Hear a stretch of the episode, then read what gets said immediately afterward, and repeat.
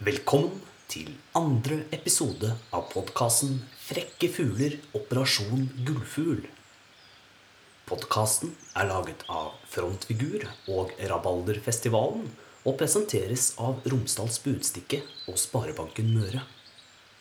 I denne podkasten skal du få høre historier om fugler som du aldri før har møtt, og om en fugleforsker som er ute på sitt livs største oppdrag.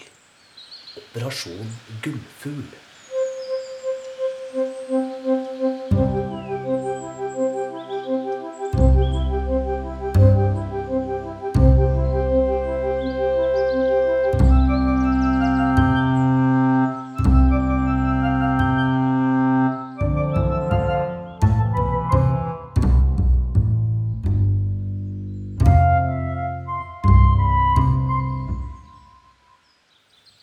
Forrige episode fikk du høre fra de gamle forskningsrapportene til Kari Kråkeklo og historien om opphavet til den mytiske og mystiske gullfuglen.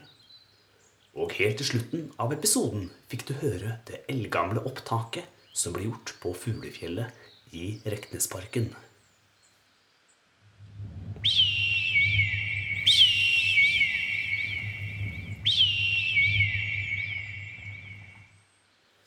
Jeg, fugleforsker Fred Fossekall Flaksnes, professor i fugl, fjær og flaks ved Ornitologisk institutt ved Universitetet i Oslo, har nå ankommet dette ukjente fuglefjellet i Rekningsparken i Molde. Jeg har startet med mine observasjoner. For hvordan skal jeg finne gullfuglen? Jo, ved å studere de andre fuglene i reservatet og deres oppførsel. Kanskje de vil oppføre seg annerledes dersom det er en gullfugl i nærheten. De vil kanskje føle seg truet, ja, eller redde. Dette er det jeg må finne ut av. Etter å ha ligget i skjul i bakkant av en paviljong på toppen av fjellet, har jeg klart å gjøre noen tidlige observasjoner. Det er åpenbart at dette fuglefjellet tiltrekker seg en del fugler som ellers ikke er så vanlig å oppdage. Og blant fugleartene som har bosatt seg her i Reknesparken, har jeg observert en hvitstrupet snukkelfnatt.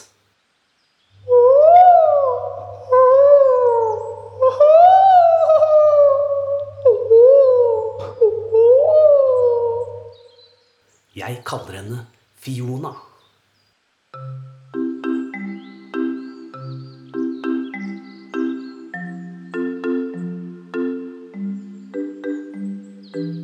Den siste tiden har jeg observert at Fiona har vært svært opptatt med å få samle inn ting for å gjøre redet sitt klart.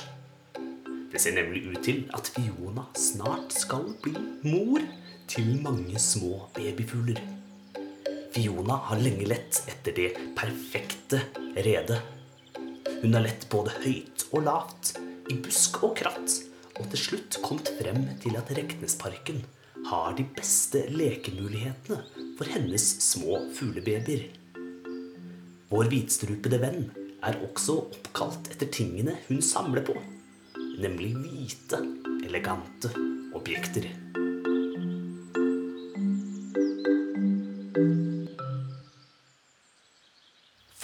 Noen dager siden så hørte jeg de velkjente ropene til en spisblikket nebbklakk.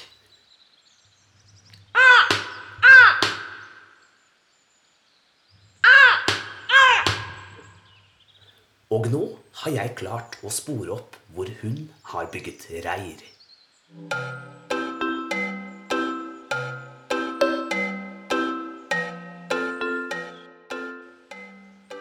Av de brune og grønne fargene på fjærene er det ikke alltid like lett å oppdage henne. Så i dette tilfellet er det lettere å finne reiret hennes først. Hun liker nemlig å vise fram hjemmet sitt og alt det hun har prydet det med. Jeg har valgt å kalle denne nebbklakken for Frank. Frank har et nebb som er godt egnet til å fange og samle på ting.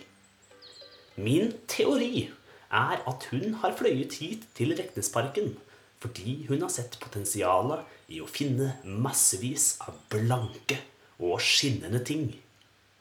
Denne fuglen er nemlig en troféjeger og samler på medaljer. For i tillegg til å være flittig, er hun også en liten snik.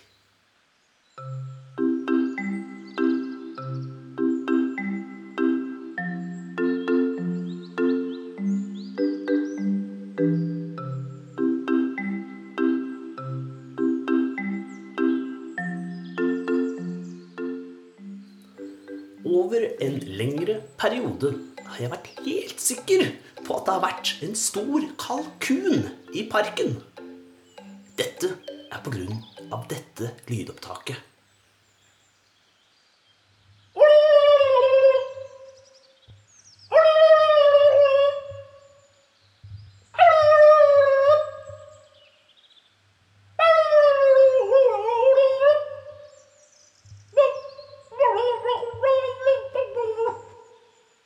Helt til jeg plutselig en dag så en blå stjert bevege seg mellom noen brakebusker rett ved fuglefjellet. Det viser seg nemlig at den nokså sjeldne fuglen blåstjert har funnet seg til rette i området. Den pleier som oftest å lage reir i nærheten av områder med tilgang til mye blått. Den samler nemlig kun på ting som er blå. Fra blåklokker i full blomst til en blå kork fra en Farris-flaske.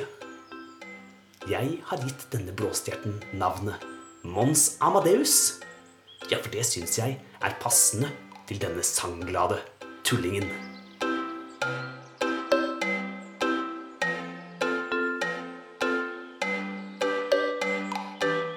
Jeg føler meg ganske sikker på at ved å fortsette å observere fuglene i dette fuglefjellet, så vil gullfuglen også kanskje dukke opp en dag. Så jeg blir værende ved min post her i Reknesparken i noen dager til.